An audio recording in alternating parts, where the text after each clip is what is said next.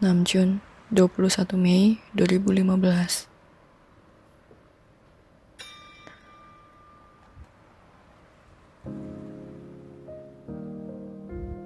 Aku secara diam-diam naik ke pintu depan. Aku meraih gagang pintu dan memutarnya dengan hati-hati, juga mencari beberapa tanda. Aku tidak mendengar apa pun. Aku menjulurkan kepalaku dan juga melihat sekeliling. Tapi rumah ini dalam keadaan gelap. Aku mengambil satu langkah ke dalam. Aku memanggil ibuku, tapi tidak ada yang menjawab. Aku akan menyalakan lampu, tetapi aku melihat sekeliling lagi. Sudah lewat jam 9 malam ternyata. Tidak mungkin tidak ada orang di rumah.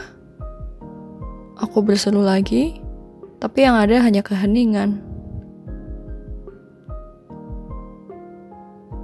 aku pulang lebih lambat dari biasanya.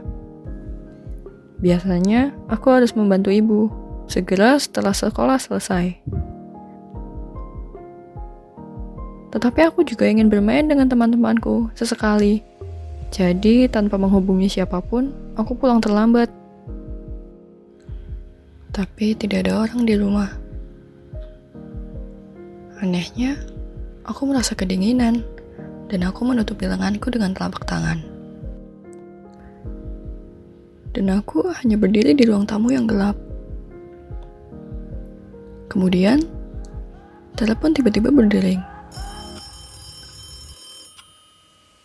Rasa dingin merasap ke dalam diriku. Telepon berdering, tapi aku punya perasaan aneh bahwa aku tidak boleh menjawabnya. Perasaan tidak menyenangkan bahwa jika aku mengangkat telepon itu, semua akan berubah. Dan aku tidak akan dapat kembali lagi ke diriku yang sekarang. Tetapi telepon terus berdering.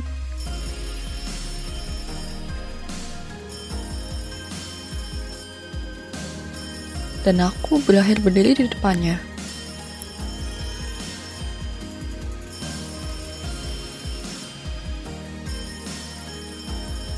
Kemudian, aku mengangkat gagang telepon itu